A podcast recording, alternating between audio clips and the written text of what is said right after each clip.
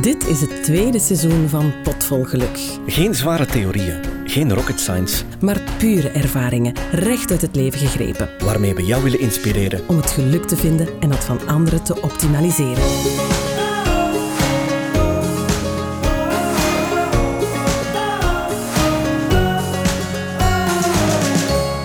Dames en heren, van harte welkom. We zijn beland in een volgende aflevering van Potvol Geluk. En ik heb niemand minder dan Inge Vervotte voor mij zitten. Hallo Inge. En hartelijk bedankt Inge dat wij hier te gast mochten zijn in eh, VZW Emmaus, waar dat jij momenteel werkt. Heel graag gedaan. Goedemiddag. Wij kennen elkaar een beetje uit een vorig leven. Mijn vorig leven als jonge twintiger die uh, samen met mijn man in een politiek kader terechtgekomen uh, was. Omdat mhm. hij ook als politiek, een, een politiek mandaat bekleedde. En jij was toen minister. Uh, eerst volksvertegenwoordiger, dan Vlaams minister, federaal minister. Ondertussen heb jij die politieke carrière achterwege gelaten. Klopt. Hoe is het sindsdien met jou? Want ik heb jou daarna niet meer gesproken eigenlijk. Eh, dus, heel goed, heel fijn. Uh, ja, dus ik heb toen eh, beslist om de overstap te maken naar de zorgsector. En uh, dat is een hele boeiende sector waar heel veel zaken in beweging zijn. En ja, waar er altijd wel iets te doen valt. In ja, want ik herken mij nog, of ik herken jou nog als zijnde van iemand die echt op de barricade stond. Ik heb ooit eens met iemand gesproken die bij jou zelfs in de klas gezeten had. En die zei dat toen nog van, ik weet niet meer wie dat was, maar die zei nog van, ja, Inge, dat was zo één die vroeger ook... Uh, opstond voor het, voor het, ja, als er onrecht was of die zo altijd met welzijn begaan was. Maar waarom heb je dan die sector toch achtergelaten om, om nu volledig voor in, in, een, in een welzijnssector terecht te komen?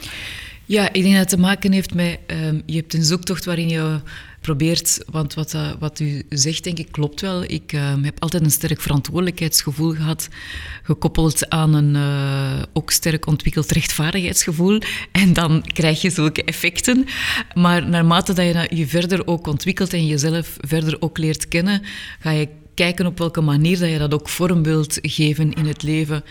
En ik ben, ja, naarmate mijn verdere ontwikkeling heb ik gezien dat ik het heel belangrijk vind. Ik ben heel mens- en praktijkgericht. Dus ik vind het ook heel belangrijk om te kunnen zien wat ik doe of wat ik zeg, dat dat ook in de realiteit zo is. Dat is voor mij heel belangrijk. Dus ik hou niet zo van grote woorden als het om de woorden woorden is. Ik vind dat wel heel belangrijk, want ik hecht heel veel belang aan, aan woorden, aan taalgebruik, aan ook het juiste proberen te zeggen. Maar ik ben niet zo voor grootsprakerij of uh, mooipraterij enzovoort. Dus voor mij ligt de essentie in wat er concreet in de praktijk werkbaar verbetert. En vandaar dat ik daar ook voeling mee wou hebben, want ik heb dat wel nodig. Ik had het ook echt nodig om die interactie met de praktijk te kunnen voelen. En op de posten waarin ik in de politiek zat, was dat soms moeilijker, omdat je eigenlijk altijd ja, maar een bepaald deel van een realiteit dat men naar u komt brengen, want je krijgt heel veel informatie. En het is zeker niet zo dat uh, politiek in de Ivoren Toren gebeurt. Dat, daar ben ik het absoluut niet mee eens. Maar wat wel zo is, is dat je constant natuurlijk in contact komt of in contact gebracht wordt met mensen die bedoelingen hebben en die u duidelijk willen beïnvloeden. En ja, dat je dan, uh, ik herinner mij dat ik soms actief zelf op zoek wou gaan uh, naar bepaalde informaties. En dat dat niet zo eenvoudig is, hè, omdat, uh, ja, en dat kende ik wel vroeger vanuit mijn vakbondsverleden. Een belangrijk aspect van de vakbond is natuurlijk de juiste informatie ook kennen. En je moet dus echt ook tussen de mensen staan en je moet, ja, de mensen moeten ook bereid zijn om de dingen te zeggen zoals ze zijn. En dat jij daar dan iets mee kan doen en aan de slag mee kan gaan. En ik begon wel te voelen dat, dat, dat ik dat wel voor een stuk ook miste, om die rechtstreekse informatietoegang toch wel breed eh, te hebben. Ik heb het altijd belangrijk gevonden om te kunnen bijleren, om ook eh, in de diepte te kunnen gaan, om de dossiers te kunnen bestuderen. En, maar ik had ook wel behoefte om, om iets vast te pakken en dat wat blijven vast te pakken. En ja, dat is ook door de periode waarin ik erin zat, waarin dat die regeringen vielen en lopende zaken en terugverkiezingen. En, en ik moest mij altijd maar andere dingen eigen maken. En ik had zo het gevoel dat ik op dat moment, want hè, dat is niet iets wat gangbaar is, daar hebben ook toen een aantal mensen met mij wel over gesproken van, ja Inge, jij zit nu in een bepaalde periode. Maar uh, ja, ik wou zo ja, toch iets vastpakken en daar ook langere tijd dieper in kunnen gaan. Daar had ik wel behoefte toe en vandaar dat uh, die stap is gezet. Heeft dat jouw geluksbeleving dan positief beïnvloed? Het feit dat je daarvan kon zeggen van laat het maar even voor wat het was, ook al had niemand dat misschien verwacht van jou? Ja, ik heb daar wel bewust mee omgegaan en dat is ook iets wat ik allez, vind dat, dat je niet mag onderschatten in je eigen leven dat je radicaal eerlijk moet zijn ten opzichte van jezelf. En dat is niet altijd eenvoudig. Soms zeggen mensen tegen mij: Ja, maar jij hebt gemakkelijk praten. Of ja, jij hebt een keuze. Ik denk dat iedereen altijd in zekere zin een keuze heeft. Hè? Maar je moet radicaal eerlijk durven zijn en je moet risico's durven nemen. Ik denk dat je verantwoordelijkheid voor je eigen leven ook moet, moet opnemen daarin. Waar ik niet van hou, is, is, is dat uh, je je leven laat bepalen hè, door zogenaamde zaken die onafwendbaar zijn. Dat is niet hetzelfde als er komt heel veel op je pad hè, en je kan je daartoe verhouden. Hè. Dus het is niet zo, ik ben niet iemand die denkt dat je zelf alles maakt in het leven. Dat is helemaal niet zo. Maar ik ben wel iemand die in de overtuiging is dat, en ik gebruik dan altijd die uitspraak ook van een goede vriendin die mij die heeft leren kennen, en die zei: kies en bemin je keuze in het leven. En dat is iets wat voor mij ook een motto is. Hè. Dat is van: kijk, uw ja moet ook een ja zijn. Hè. En je kan niet zeggen: ja, maar ik heb geen. Of ja, nee, je, je overweegt bepaalde zaken en je weet dat er altijd voor- en nadelen aan zijn, uh, risico's aan gebonden zijn. Maar op een gegeven moment commit je jezelf daartoe. En dan blijf je daar ook gedurende een tijd trouw aan. En het kan zijn dat je dat bijstelt op een gegeven moment. Maar laat je ja en ja zijn. Kies daar bewust voor. Eh, kies en bemin je keuze en commit je daar dan ook toe. Hè. Um, en een commitment, dat betekent altijd ook dat er ook wel eens onaangenamere dingen rond zijn. Maar dat is, een, dat is ook net het mooie aan een commitment. Dat is dat het niet uh, volatiel is, dat je telkens malen ook terug in vraag moet stellen. Dat is eigenlijk zegt van, ja, ik ga hier een diepgaand en, uh, verband aan op langere termijn en ik commit mm -hmm. mij het leven is natuurlijk een weg met keuzes. Hè. We gaan zo dikwijls op een kruispunt komen te staan waar we keuzes moeten maken. Maar je zegt ja, ik heb mijn, mijn, mijn gevoel moeten volgen of, of mijn, mijn keuze moeten maken op basis van, van wat dat je dan ja, ervaarde als zijn, dit moet ik nu doen. Op basis van wat kon jij aanvoelen van het is toch die andere weg die ik op moet gaan. Dat is geen eenvoudige en dat is zeker ook niet iets dat over één nacht gebeurt. Dat is ook een proces in, in wording. Wat ik ook altijd belangrijk heb gevonden is dat als je bepaalde ingrijpende beslissingen neemt, dat je dat ook wel dat je dan niet alleen met jezelf bezig bent, dat je dat ook probeert op een goede manier te doen. Als ik dan beslist had om te stoppen met politiek, heb ik dat ook wel mee verantwoordelijkheid genomen. Op welk moment doe je dat? Op welke wijze doe je dat? Wie ligt je daarvan uh, van in? En ik moet zeggen dat ik daar altijd wel vertrouwen ook heb gegeven aan een aantal mensen en dat dat nooit is beschaad geweest. Hè. En dat maakt ook een groot verschil, want uh, ja, je kan ook uh, op een gegeven moment gewoon zeggen van voilà, ik trek de deur achter mij toe of enzovoort. Dat, dat is niet waar ik voor pleit. Hè. Maar ik vind wel dat het niet onbelangrijk is dat je heel bewust wel achter je keuzes gaat staan. En dus om terug te komen op dat proces in wording, dat is uh, lezen, dat is met mensen spreken, dat is nieuwsgierig zijn, dat is uzelf leren kennen, uzelf tegenkomen. En zo proberen op een gegeven moment een, een pro proberen een beeld te krijgen wat, wat er eigenlijk op dat moment nodig is. Ja. In welke mate herbekijk je zo'n beslissing opnieuw, dagdagelijks? Gebeurt dat regelmatig en hoe ga je daar dan mee om?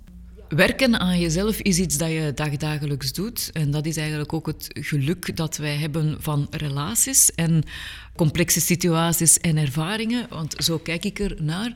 Dat is ook wat bijvoorbeeld de vakbond, Sabena, de politiek mij gebracht heeft. Daar zijn heel veel leermomenten gecreëerd voor jezelf, bij wijze van spreken.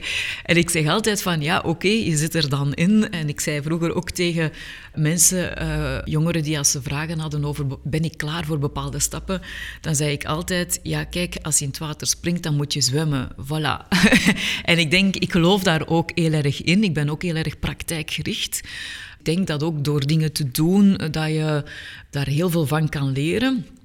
En ik vind ook dat we niet moeten... Dat je kan al eens iets tegenkomen of je kan al eens iets verkeerd gedaan hebben. En het is misschien niet mooi wat ik nu ga zeggen, maar dat wordt nog meer aanvaard bij jongere mensen dan bij uh, oudere mensen. Dat is eigenlijk ook wel iets cultureels waar we misschien verder moeten over, over nadenken. En dan zeg ik altijd, zeker als je jong bent, ze gaan het u vergeven, want ze gaan zeggen, oh, dat is de jeugdige, het jeugdig, enthousiasme, of uh, ja, die zijn nog naïef, of ja, die mogen nog dromen, enzovoort. Dus men aanvaardt wel van een bepaalde generatie dat die eigenlijk met vallen en opstaan wat mogen proberen en dat zal niet u aangerekend worden. Gelukkig maar. Hè? En gelukkig maar. En eigenlijk is dat een mooie levenshouding, vind ik ook. Je moet mhm. niet roekeloos zijn natuurlijk, dat is iets anders. Mhm. Maar ik vind het wel dat naarmate dat je ook ouder wordt, begrijp ik ook, je, je hebt veel meer te verliezen op een gegeven moment, waardoor dat je je risicoafmeting ook anders gaat doen. En dat is eigenlijk soms misschien ook jammer op een bepaalde manier. Want ik denk ook niet dat we bepaalde stappen moeten overdrijven. Hè. Je doet iets en je neemt de consequentie en je ziet daarna opnieuw. Hè. En meestal ik denk dat je soms ook wel dan kom je bij een andere heel belangrijke waarde bij mij, vertrouwen moet hebben. Hè? Een beetje vertrouwen hebben in het leven, vertrouwen hebben in, in mensen rondom u, ook een beetje vertrouwen in jezelf. Ik denk dat dat, dat, dat een belangrijke partner is, vertrouwen een belangrijke waarde om zo in het leven te kunnen staan. En ik denk ook als je met die houding in het leven staat van ah, ik ga ook wat mensen in vertrouwen nemen of ik ga mijn dromen ook delen enzovoorts, dat je heel erg verschiet hè, van hoe behulpzaam en hoe bereidwillig mensen vaak zijn. En dus dat is toch ook zeker iets dat ik zeker wil meegeven. Van, wij zitten in Vlaanderen soms ook zo wat in een cultuur van uh, ja, legt uw kaarten niet te snel op tafel of zo, of, hè, of wat strategisch tactisch denken. Ja, ik heb daar soms wel dwars doorheen gegaan en eigenlijk gezegd van met mensen in vertrouwen nemen en ook zeggen van goh, ik, ik, ik, ik droom daarvan of dit of dat. En dan gaan mensen daar ook eerlijk in. En ik heb altijd gemerkt dat mensen die het goed met u voor hebben, en dat is wel een inschatting dat je natuurlijk moet maken, je moet dat niet op straat gooien allemaal, maar wel bij de juiste mensen, dat als zij u steunen, dat zij daar ook mee naar op zoek gaan. En dat ze u gaan proberen te helpen, dat ze u gaan in contact brengen met. En dat is eigenlijk ook het mooie aan, aan, aan de mensheid. En eventueel ook opvangen als je valt, hè? Absoluut. Als je goed omringd bent. Ja, ik wil het nog even hebben over die, die jeugdige onbezonnenheid. Um, want ik herken dat ook heel fel in, in mijn omgeving, in studenten waar ik les aan geef. En, en ook mensen die ik in mijn praktijk tegenkom. Want ik schrik van de huidige generatie jongeren en twintigers hoe angstig zij zijn. Ja, ik denk dat natuurlijk, als je dan echt naar adolescenten gaat, pubers enzovoort, die zijn heel erg zoekende, denk ik. En ik denk dat de druk ook wel heel mm. erg hoog is. En... Uh, ik ga het woord toch misschien maar gebruiken. Ik denk dat we inderdaad wel echt in een meritocratie leven. Lees dat, bij, dat er toch een, een soort van heersend discours is waarin het is van um, je hebt je succes aan jezelf te danken en bijna uitsluitend aan jezelf te danken. En dus mogen de beste winnen enzovoorts. En dat is toch wel een beetje een zelfoverschatting, vind ik. Ik vind dat een uh, weinig bescheiden cultuur dat er is, omdat ik echt wel ook erin geloof dat het leven een samenspel is van kansen, van toeval, van geluk. Het is eh, de juiste mensen ontmoeten. Het is een samenspel. Het is niet maar enkel en alleen van ik en ik ben competent of ik heb de kansen gegrepen en dus ik heb succes. Dat is geen rechte lijn. Hè. En ik vind het ook heel mooi. Uh, er is daar uh, die Franse schrijver die uit uh, een arbeiders heel moeilijke wijk komt uit Frankrijk en die heeft daar een boek over geschreven. En, en hij zegt, ja, er leeft zo bij sommige, in sommige hoofden het idee van als je hard werkt, dan kom je er. En dan eh, kan je ook rijk worden en veel geld verdienen. En hij zegt, als ik het harde werk zie van mijn ouders, wat dat die gedaan hebben, dan waren die multimiljonairen, bij wijze van spreken. En ik vind dat heel mooi, want eh, ik merk ook wel eh, dat sommige mensen die wanneer ze succesvol zijn, een stuk van die empathie ook verliezen. En ook denken, ik heb er hard voor gewerkt, dus anderen moeten dat ook kunnen. Maar dat is geen rechte lijn en niet iedereen heeft dezelfde omstandigheden in het leven. Daar blijf ik toch nog heel sterk in geloven. Betekent dat dan dat wij een grote verantwoordelijkheid hebben naar die jongeren de dag van vandaag? Schort daar wat dan? Ja, ik vind dat heel belangrijk. Hè. Ik vind uh, jongeren zijn boeiend, je moet daar naar luisteren. Ze hebben altijd iets te zeggen. Ze uh, spiegelen ons ook wel iets voor hè, van wat wij eigenlijk allemaal eh, als overheersend op hen gooien en op de samenleving, bij wijze van spreken. Wat ik wel denk is dat dat nu ook een generatie is die, die wel voelt dat ze om succesvol te moeten zijn, geld moet hebben. En je merkt dat dat ook iets is waar ze mee wringen. Hè? Mhm. Want ik volg dat ook op eh, van die, die YouTubers die dan in één keer heel rijk worden enzovoort. En wat daar tof aan is en fantastisch aan is, is dat die eigenlijk buiten alle kaders en buiten alle gekende zaken lef hebben en, en daar ook in slagen. Hè? Mhm. En dus ons ook een spiegel voorhouden van ja, al die trajectjes ja, dat jullie denken dat tot leidt, dat leidt misschien er niks toe en ik doe het anders. En dit is hier uh, pokken saai en ik ga het niet op een andere manier doen en daar ook in slagen. Dat is de mooie kant van het verhaal. De andere kant, eh, rebellie. Ja, de andere kant van het verhaal is dat je natuurlijk dan ja, ook die druk opnieuw vergroot uh, voor anderen uh, om, om, om, om van, ah, die hebben buiten de lijntjes gekleurd en die zijn succesvol en bij mij lukt het maar niet. Dus dat maakt die frustratie natuurlijk ook wel groter voor, voor die uh, mensen. Maar ik denk altijd dat we die creativiteit moeten blijven ondersteunen. En dat het belangrijk is dat bij jongeren ook uh, dat het nooit een alles of niets verhaal mag worden. En dat vrees ik dat we vaak ook in een cultuur zitten van het is zeer snel het alles of het niets, terwijl dat het is van je hebt dat geprobeerd en terug en nu is iets anders. En wat de eigen ook is aan jongeren, is dat die natuurlijk ook heel erg zoekende zijn naar hun identiteit. En daarom dat ik het ook belangrijk vind om de verhalen te blijven meegeven aan mensen dat het een illusie is om te denken dat je een vaststaande persoonlijkheid bent. En ik merk dat ook in de zorg en andere mensen die zoekende zijn en die doen allerlei testjes en dan zeggen die van uh, goh, uh, ik ben analytisch of ik ben... En dan denk ik altijd, ja, zet je eigen ook niet zo vast. Mm -hmm. Want dat is net het fijne aan het mens zijn is uiteraard ga je wel bepaalde sterktes en bepaalde zwaktes hebben en ga je bepaalde dingen meer ontwikkelen en heb je bepaalde interesses. Maar om een voorbeeld te geven, ik kan bijvoorbeeld zeer analytisch zijn in een context en met mensen die mij interesseren en compleet niet analytisch wanneer het mij niet interesseert. Dus dat is veel genuanceerder.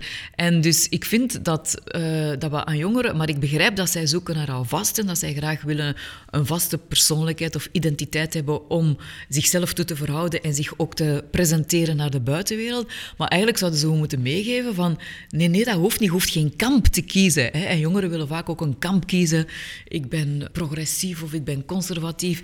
Ik ben rebels of ik ben eerder uh, meegaand enzovoort. En eigenlijk zou je moeten zeggen, nee, nee, ik kan dat allemaal. Maar dat kan zijn dat dat verandert afhankelijk van je context, uh, van de mensen waarmee je uh, zit enzovoort. Zoals je daarnet al zei, die leermomenten die zijn heel belangrijk om ja. bepaalde eigenschappen toch bij te sturen. Hè? En toch moet ik er aan toevoegen dat het niet alleen jongeren zijn die naar onze podcast luisteren, maar onze grootste groep zijn de veertigers. Ja. En die zoeken ook naar meerwaarden. Ja. En dat is ook wat we bij jou komen vragen van hoe ervaar je dat en hoe stuur je dat geluk dagelijks bij, natuurlijk. Ja. Wel, over het laatste, ik denk dat het Esther Perel was die het in een interview zei. En ik, zij is ook altijd super inspirerend uh, wat zij zegt. En zij zei daarin van, ja, we zijn nu terechtgekomen in een soort van identiteitseconomie, zo zei ze het eigenlijk. Hè. Mooi.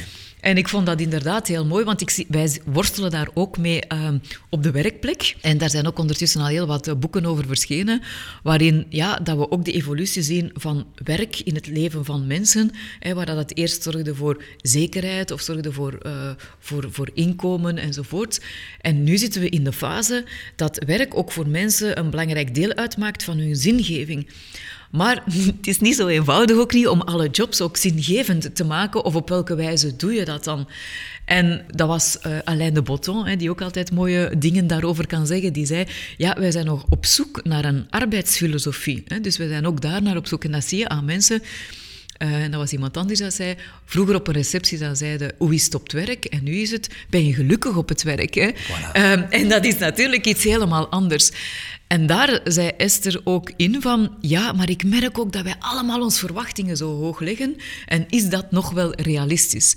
En ik denk dat het antwoord weer opnieuw ergens ja. tussen de twee ligt. We kunnen niet terug naar een andere weg. Hè? Mm -hmm. Ik denk dat dat heel duidelijk is. Maar ik ben ook wel van uh, de strekking dan, om het zo te zeggen, die zegt van, jongens, kalm aan, laten we eens kijken van, wat waarderen we? Hè? En dat is iets wat ik um, heel belangrijk vind. Neem de dingen één niet voor vanzelfsprekend, maar twee, kijk ook met een blik van waardering en appreciatie naar een aantal uh, zaken. En, en, en, geef dat ook waarde. Hè. En dat is ook wat dat natuurlijk mensen ons in het verleden ook geleerd hebben. Van iets op zich is niet zingevend, maar met welke manier, hoe dat jij naar kijkt, kan het zingevend of betekenisvol worden. Mhm. Ik heb geen groene vingers bijvoorbeeld, hè, maar ik kan mij inbeelden dat mensen die groene vingers hebben, dat zij daar heel veel zingevende betekenislagen kunnen aan geven. Hè?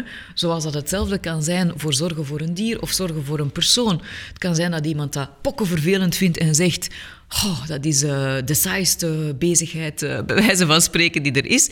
Terwijl andere mensen daar eigenlijk de zin in hun leven kunnen in vinden. En dat vind ik ook wel belangrijk. Dat heb je met corona denk ik ook gezien. Omdat je zo'n soort van etikettering ook krijgt in de samenleving over de zaken die gewaardeerd worden en niet. En dat is ook wat onze groepen zeggen, zoals... Um, eh, medewerkers in de zorgsector, ook in onderwijs, van het wordt niet maatschappelijk gewaardeerd. En dat is heel belangrijk dat we daar blijven ik ook een punt maken om te zeggen, onderschat het belang niet voor een samenleving van deze sectoren. Maar daarnaast ben ik ook in de overtuiging dat mensen zelf ook zin moeten blijven geven aan de dingen die zij doen en dat je dat ook wel kan, als, als, als, als dat is wat je wil doen, mhm. natuurlijk. hè. Dus, uh, en dan noemen ze dan in de theorie de intrinsieke motivatie. Ik vind dat een hele belangrijke, want als je intrinsieke motivatie kan verbinden met die zingeving, dan denk ik wel dat je uh, in een soort van positieve flow uh, terechtkomt. Mhm. En dus vind ik het wel belangrijk dat mensen ook op, op zoek gaan naar wat is eigenlijk mijn intrinsieke motivatie, wat zijn die drijfveren, om dat te combineren met betekenislagen, om u daar dan aan te committen en dan daar diepgang in te verwerven. Hè? Omdat ook alles soms zo oppervlakkig wordt. Hè? Ik las over het laatst dat uh, het kijken op het scherm, dat dat tegenwoordig al... Dat was vroeger zeven seconden, nu is drie seconden. En eigenlijk geeft dat weinig geluk aan mensen. Hè? Ons, ons neurotisch en, uh, en ons, uh, ons hersensysteem heeft het echt wel nodig om ook soms in die diepgang te kunnen gaan. Ik ben dus ook iemand die wel ook promoot, hè, uh, zoals de VZW Warebeke, stilte en stilte-momenten. Uh, ik ben ook iemand die uh, toch ook promoot om te zeggen van, goh, probeert nu toch nog eens 50 minuten geconcentreerd werk te doen. Ik ben er echt in de overtuiging dat dat ook ertoe bijdraagt dat mensen dat gevoel van die flow en geluk kunnen ervaren. Hè. En dat altijd doorschuiven en, en het sneller en het, uh, en het oppervlakkige is iets, denk ik, dat mensen nog meer onrustig maakt. Hè. En eigenlijk kansen tot die dankbaarheid, tot die diepere gevoelens ontneemt. Mhm.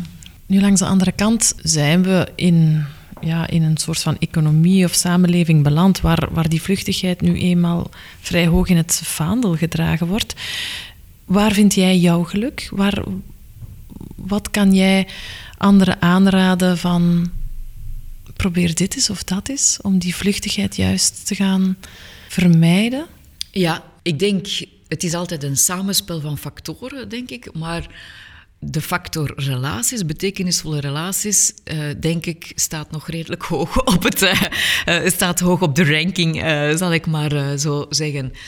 Als een goede connectie met iemand hebben eigenlijk. Of... Ja, ik denk dat het, voor mensen, dat het voor mensen heel belangrijk is om, om steunende, warme, hechte relaties te kunnen hebben.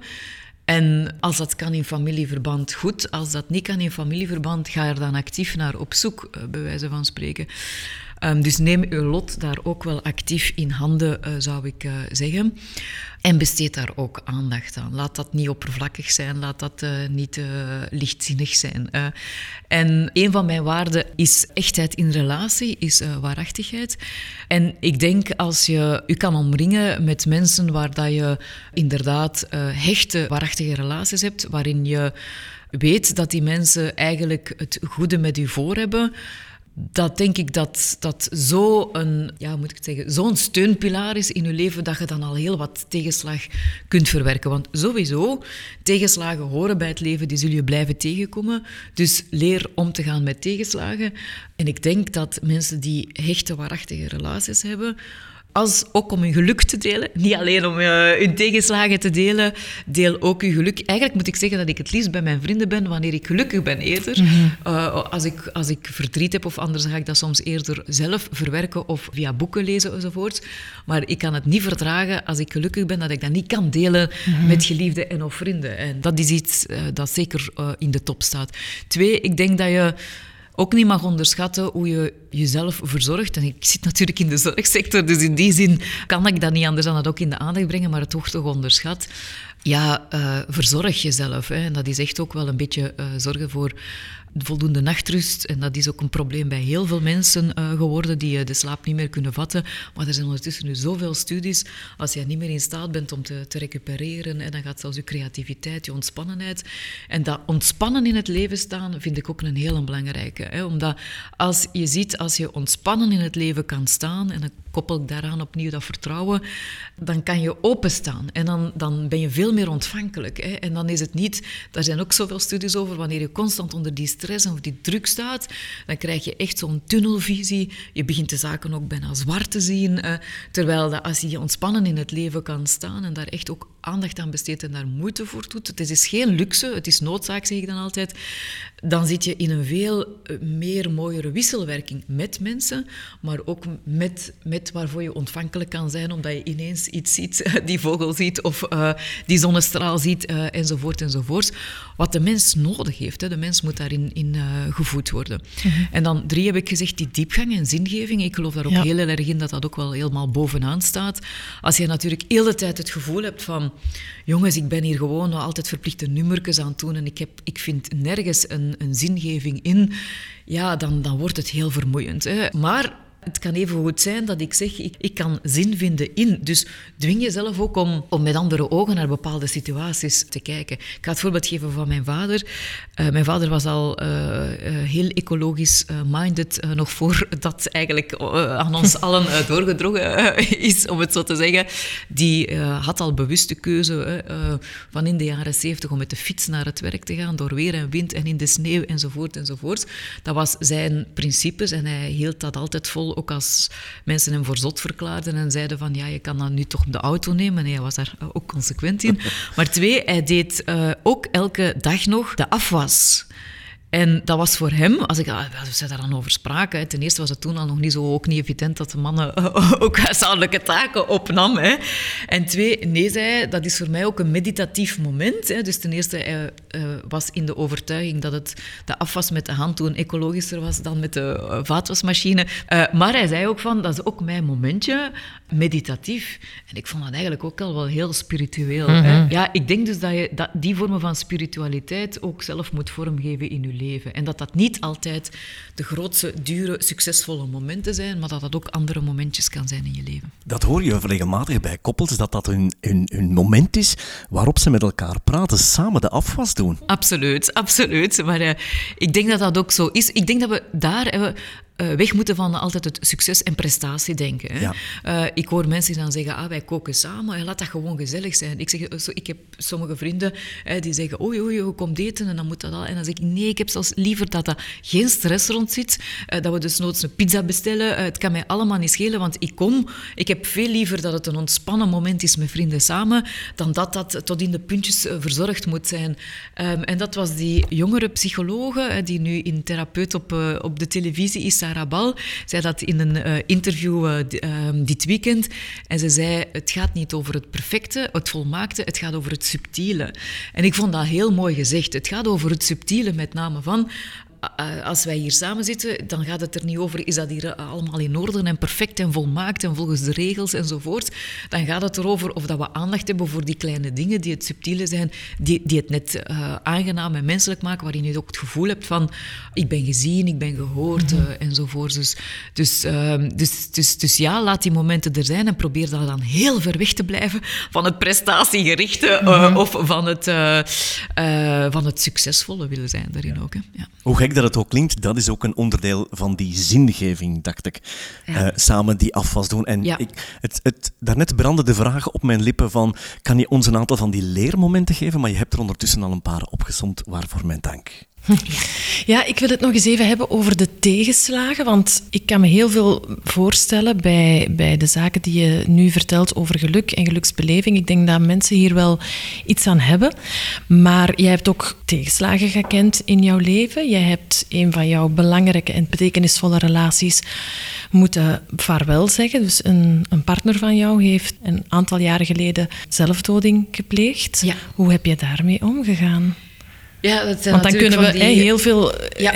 tools hebben om recht te blijven staan, maar dan valt toch Ja. ja. de wereld op, op, op je kop. Hè? Ja, dat zijn natuurlijk zeer, zeer ingrijpende Ja. eh, gebeurtenissen. ehm, waardoor het ook maakt dat ik mij daar achteraf ook heel actief heb eh, blijven voor inzetten. Omwille van het feit dat ik dus invoelend kan zijn van wat het betekent voor mensen eh, die het meegemaakt hebben. En jammer genoeg maken in Vlaanderen heel wat eh, mensen dat mee. Ik zeg altijd, ik denk dat het niet zo erg is als uw kind eh, verliezen aan zelfdoding. Maar ik heb ook kinderen tegengekomen waar een, van de ouders... en dus je hebt allerlei tal van relaties waarin mensen deze ja, toch wel zeer indringende ge- gebeurtenis hebben meegemaakt. De manier waarop ik er toen bij mij omgegaan is dat ik mezelf de rouw gegund heb. En ik heb dat heel bewust ook gedaan. Ik heb gezegd van, kijk, ook weer soms een beetje rebels, moet ik zeggen. Hè. Eh, ik heb eh, gezegd van, kijk, die, die samenleving mag drukken, duwen en alles wat ze wilt eh, van mij. Maar ik weet dat ik door de rouw moet gaan omdat ik dat nodig heb, om, of dat ik anders één niet overleef. En twee, omdat ik ook iets te leren heb opnieuw. Hè. En dat ja, iets te leren hebben wil zeggen, voor mij dan, hè, eh, maar dat is ook mijn manier om naar, om naar de dingen te kijken. Ik heb graag dat je de dingen doordenkt, maar ik heb ook graag dat je de dingen doorleeft. Hè. Dus ik ben in de overtuiging dat iets wat je doorleeft doet. Hè. In de psychologie hebben ze daar blijkbaar de term belichaming voor, heb ik pas over het laatst eh, geleerd. Hè. Kan je het ook belichamen? Dat wil zeggen dat het niet alleen in je hoofd zit, maar dat je het ook hebt doorleefd. En dat heb ik eigenlijk, ja, zonder dat ik die theoretische kaders had, gedaan. En dat is voor iedereen heel anders. Vandaar dat ik ook heel veel aandacht heb besteed telkens malen aan dat we meer inzichten moeten hebben over rouw. En ik wil rouw zeker niet gaan vermedicaliseren of dat uit de samenleving halen. Dat is zeker mijn bedoeling ook niet. Maar het is ook belangrijk dat we wel beseffen dat, dat, dat soms mensen, wanneer zij de rouw niet op een goede manier kunnen eh, beleven, dat daar achteraf gecompliceerde problemen van van kunnen komen. Hè. Ehm, vandaar dat ik die, die rouwbeleving, die voor iedereen op een, op een andere manier, die, dat is heel persoonsgericht, maar dat ik wel vind dat het belangrijk is dat het er is. En daar heb ik dan ook geleerd dat net samen dragen zo, zo, zo belangrijk is, omdat...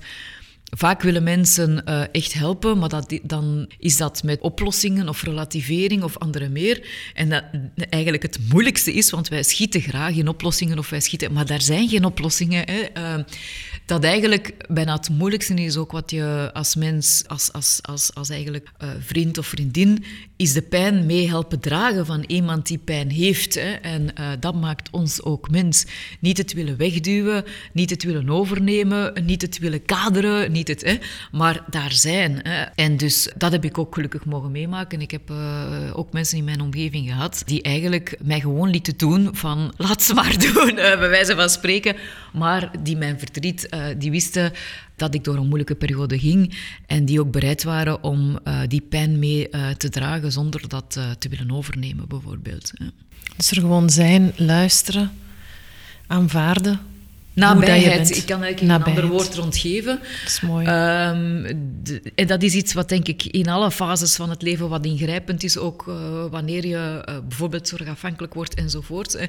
Um, ja, uh, nabijheid is zo cruciaal, omdat het ook een stuk van die angsten kan wegnemen. Ik bedoel, mensen worden geconfronteerd met oftewel diep verdriet, of ze kunnen het niet plaatsen, of ze zien geen perspectief meer enzovoorts. En eigenlijk is het wondermiddel daar op een of andere wijze samen dragen en nabij zijn, zonder oordeel, zonder veroordeling, zonder enzovoort enzovoort. En dan, dan geeft u dat opnieuw een soort van bedding, die, waardoor je wel zelf weer terug aan de slag kan. Hè. En, dat, dat, en dat nabijheid en tempo, tijd, vind ik ook heel belangrijk. Um, dat is waarom ik mij ook een beetje verzet ook tegen sommige, wat we nu soms krijgen, ook in de zorg- en welzijnssector. We moeten alles onderbouwen, het moet kortdurend zijn, het moet enzovoort. Terwijl zulke dingen laten zich niet daarin vatten. Dat heeft een heel um, gribbelig parcours. Uh, soms kan dat in één keer in stijgende lijn gaan, dat je denkt, er is zoveel vooruitgang gemaakt, dat kan in één keer terugzakken, of dat kan dan ineens... Uh, kleine groei zijn die dat er is, dat is een onvoorspelbaar proces. Dat is, uh, en, en dus met andere woorden, het is ook heel moeilijk om, om daar... Om, ja, je moet de tijd ook de tijd daarin laten zijn. En bij de ene zal dat misschien ja, zoveel tijd maar nodig hebben. De andere zal met vallen en opstaan zijn. Nog iemand anders. En ja, dat tijd, die tijdsdimensie vind ik ook heel essentieel. Maar denk je dat dat nog haalbaar is in de maatschappij van vandaag, dat we die connectie, die, die nabijheid van mensen en tegelijkertijd die tempovertraging, dat we die nog gaan kunnen, kunnen vatten, dat we die nog gaan kunnen krijgen, dat dat nog ik vind dat we moeten opeisen. Ja, ja ik, denk dat het, een, uh, dat het een illusie is, want ik denk dat het, anders betaal je toch op een gegeven moment de rekening. En dan betaal je die misschien veel harder. En, en, uh, dus ik, maar dat zie je nu al, hè? Als, je, als je het aantal burn-outs en depressies optelt, dan zijn we daar al. Ja, dat denk ik wel, inderdaad. Ik vind ook dat burn-out uh, heel vaak, denk ik dat daar ook een link is met een zingevingsproblematiek. dus Ehm, je hebt sommige burn-outs die uiteraard te maken hebben met het, uh, het echt opgebrand zijn. Maar ik denk dat er heel veel burn-outs ook te maken hebben met het feit dat mensen eh, zich vervreemd voelen of, of geen zin meer zien in de, in de zaken. En dan wordt het inderdaad heel vermoeiend om het te doen. Um, maar uh, ik ben ook wel iemand die dan probeert te zoeken naar manieren waarop je dat kan doen, zodat je niet alles moet overhoop gooien in je leven. Want daar zijn we vaak ook niet altijd klaar voor om dat te doen. En dat is misschien ook niet altijd de juiste weg. Vandaar dat ik ook altijd genuanceerd ben. Uh, soms kan het zijn dat mensen zeggen, ik moet er echt uit. Maar ik heb bijvoorbeeld uh, heel het verwerkingsproces niet gedaan door er echt uit te stappen. Ik ben actief gebleven, maar ik heb voor mezelf uh, die rouwruimte wel genomen, maar wel op een manier dat ik um, ja, bewust er ook voor gekozen heb van ik wil wel verbindingen kunnen houden met ook uh, uh, werk enzovoort enzovoort. Ik kan een keuze zijn, opnieuw, het is heel persoonlijk om te zeggen van ik moet echt mij volledig terugtrekken, maar ik denk dat daar ook tussenwegen zijn die het ook mogelijk maken dat je dat met evenveel diepgang kan doen, zonder dat je je volledig uit alles moet terugtrekken. Maar dan moet je er denk ik op tijd bij zijn. Goed op tijd aanvoelen van ik heb ruimte nodig. Ik ga mij moeten onttrekken aan stukjes van mijn leven. Ja. En ik denk dat veel mensen te ver door zijn, waardoor het lichaam zelf eist van nu moeten we hier stoppen met... Ja, uh, ja, ja dat is natuurlijk ja. dat is het verhaal dat je heel vaak hoort, dat in één keer het lichaam het mm. overneemt. Ja, en dat wil zeggen dat je inderdaad te lang gewacht hebt, vrees Ja. Ik denk dat heel veel mensen hier inspiratie zullen uithalen. Persoonlijk vind ik het ongelooflijk boeiend dat jij die leermomenten zo hoog in het vaandel draagt. Want we zijn nu bijna aan het einde van ons tweede seizoen al met Potvol Geluk. En dit is de eerste keer dat ik het zo belicht hoor en dat vind ik zeer fijn. Maar toch als laatste vraag zou ik nog even vooruit willen kijken. Van welke leermomenten droom jij nog? ja, ja wel, dat is een hele moeilijke. Daar heb ik nog niet over nagedacht. uh, wat mij uitermate boeit, um, is één... Uh, een van mijn andere waarden, dat wil ik misschien toch nog zeggen, is ook eer doen aan de complexiteit van de realiteit en van de samenhang der dingen. En dat is ook niet altijd gemakkelijk, want um, wij zijn ook wel een. een wij, wij, vandaag in onze cultuur wordt bepaalde expertise en specialisme heel hoog gewaardeerd. En ik heb zelf ook een tijd zoekende geweest dat ik zo denk van ik ken van niks, niks. Of, hè. En uh, naarmate dat ik verder uh, mij daarin ontwikkel, uh, zie ik dat ik iets anders doe. Uh, dus ik ga in de diepte, maar ik wil ook altijd samenhang en overzicht blijven uh, zien. Maar om samenhang en overzicht te willen blijven zien, betekent dat dat je je in heel veel zaken interesseert. Hè? Um, en dat is ook nodig. Je hebt dan nog niet altijd door wat je aan het doen bent, maar op een gegeven moment valt, valt dat dan wel weer, weer duidelijk. Ik ga een voorbeeld geven nu. Um, ja, ik zit in de zorgsector, maar ik ben mij nu echt ook mee verder aan het verdiepen rond bouwen, stedenbouw, architectuur enzovoort omdat ik denk dat dat onlosmakelijk aan elkaar verbonden is. En uh, hetzelfde had ik vroeger, was ik dan heel veel bezig met levensstijl, preventie enzovoort. Uh, dus je ontwikkelt telkens ja, domeinen waarin dat je ziet, ja, maar die brugjes die zijn niet door te knippen, hè, bij wijze van spreken. En zo creëer je nieuwe dingen. Dus voor mij, nieuwe leermomenten blijft toch ook altijd wel... Um, echt in nieuwe contexten gaan, hè, die, die ook opzoeken en daar opnieuw durven ja, van nul te beginnen. Want ik heb ook niet de ambitie om architect of zo te worden, dat is helemaal niet het doel, maar wel nieuwe taal, dat nieuw eigen maken, nieuw jargon uh, enzovoort enzovoort. Um, maar uh, twee, uh, ook op menselijk vlak, um, dat, dat is ook nog iets dat ik wil meegeven. Ik vind... Um, Stel voor jezelf doelen in je concreet gedrag. En ik doe dat voor mezelf. Ik zeg van, ik wil elke dag een vriendelijke daad... Nu klink ik bond zonder naam, maar het is zo. Want het is heel helpend. Ik ben daar echt voor. Of ik wil elke dag een creatieve daad stellen. Ik wil elke dag ook um, wijs geweest zijn in een situatie. Hè. Um, je kan je zo snel laten uh, opjagen, je kan je zo snel laten beïnvloeden, uh, je kan je zo snel laten meeslepen enzovoort. En dat heb ik wel geleerd van een aantal mentoren, dat die zeggen van kijk, en daarom vind ik ook wel um, zaken zoals emotie, emotieregulering heel belangrijk, want er gebeurt iets en wij reageren, zo simpel is het. Maar dan ook uh, leren methoden te hebben om te zeggen van hoe wil ik hier nu instaan, hoe wil ik hier nu in reageren, vind ik een heel belangrijke. En dat kan je alleen maar doen door concreet gedrag. Hè. Mhm. En het is ook heel um, uh, leuk om dat, uh, daarmee te spelen en dat op een positieve manier te ervaren. Want als je dat niet gedaan hebt, garantie, ben je toch de eerste die jezelf verwijten gaat maken. En dan ben je daar weer negatieve energie in aan het verspelen enzovoort. En je denkt, oh, ik heb dat verkeerd aangepakt. En oh, ik ben kwetsend geweest. En oh, en dan ben je daar wel heel veel energie in aan het steken. Dus neem daar, maar dat is ook een training, dat moet ik wel aangeven, omdat emoties heel sterk zijn voor mensen. Om te zeggen van, als ik daar nu leer om daar ook een beetje mee om te gaan, dan ga ik een positieve ervaring uh, induceren of in gang zetten. Um, en je gaat ook positieve reacties daaromtrent uh, krijgen.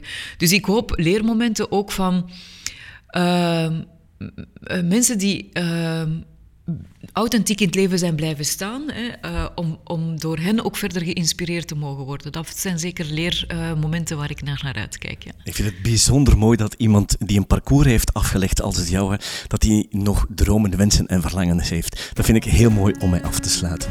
Ja, dan willen wij jou heel erg bedanken voor dit interview, want Dank daarmee u. heb jij vandaag jouw goede daad weer al verricht. heel fijn, heel fijn. Dank je wel. Van harte bedankt en het gaat je goed. Dank je wel. Wil je de podcast blijven volgen, abonneer je dan gratis. Of wil je iets bijzonders met ons delen? Vind ons dan op Instagram en Facebook. Of stuur ons een e-mail op hallo.potvolgeluk.be. Of deel de podcast met tenminste twee vrienden. Zo kunnen wij nog lang inspiratie met jullie blijven delen. Deze aflevering kwam tot stand dankzij Gabriel's House en School of Luck.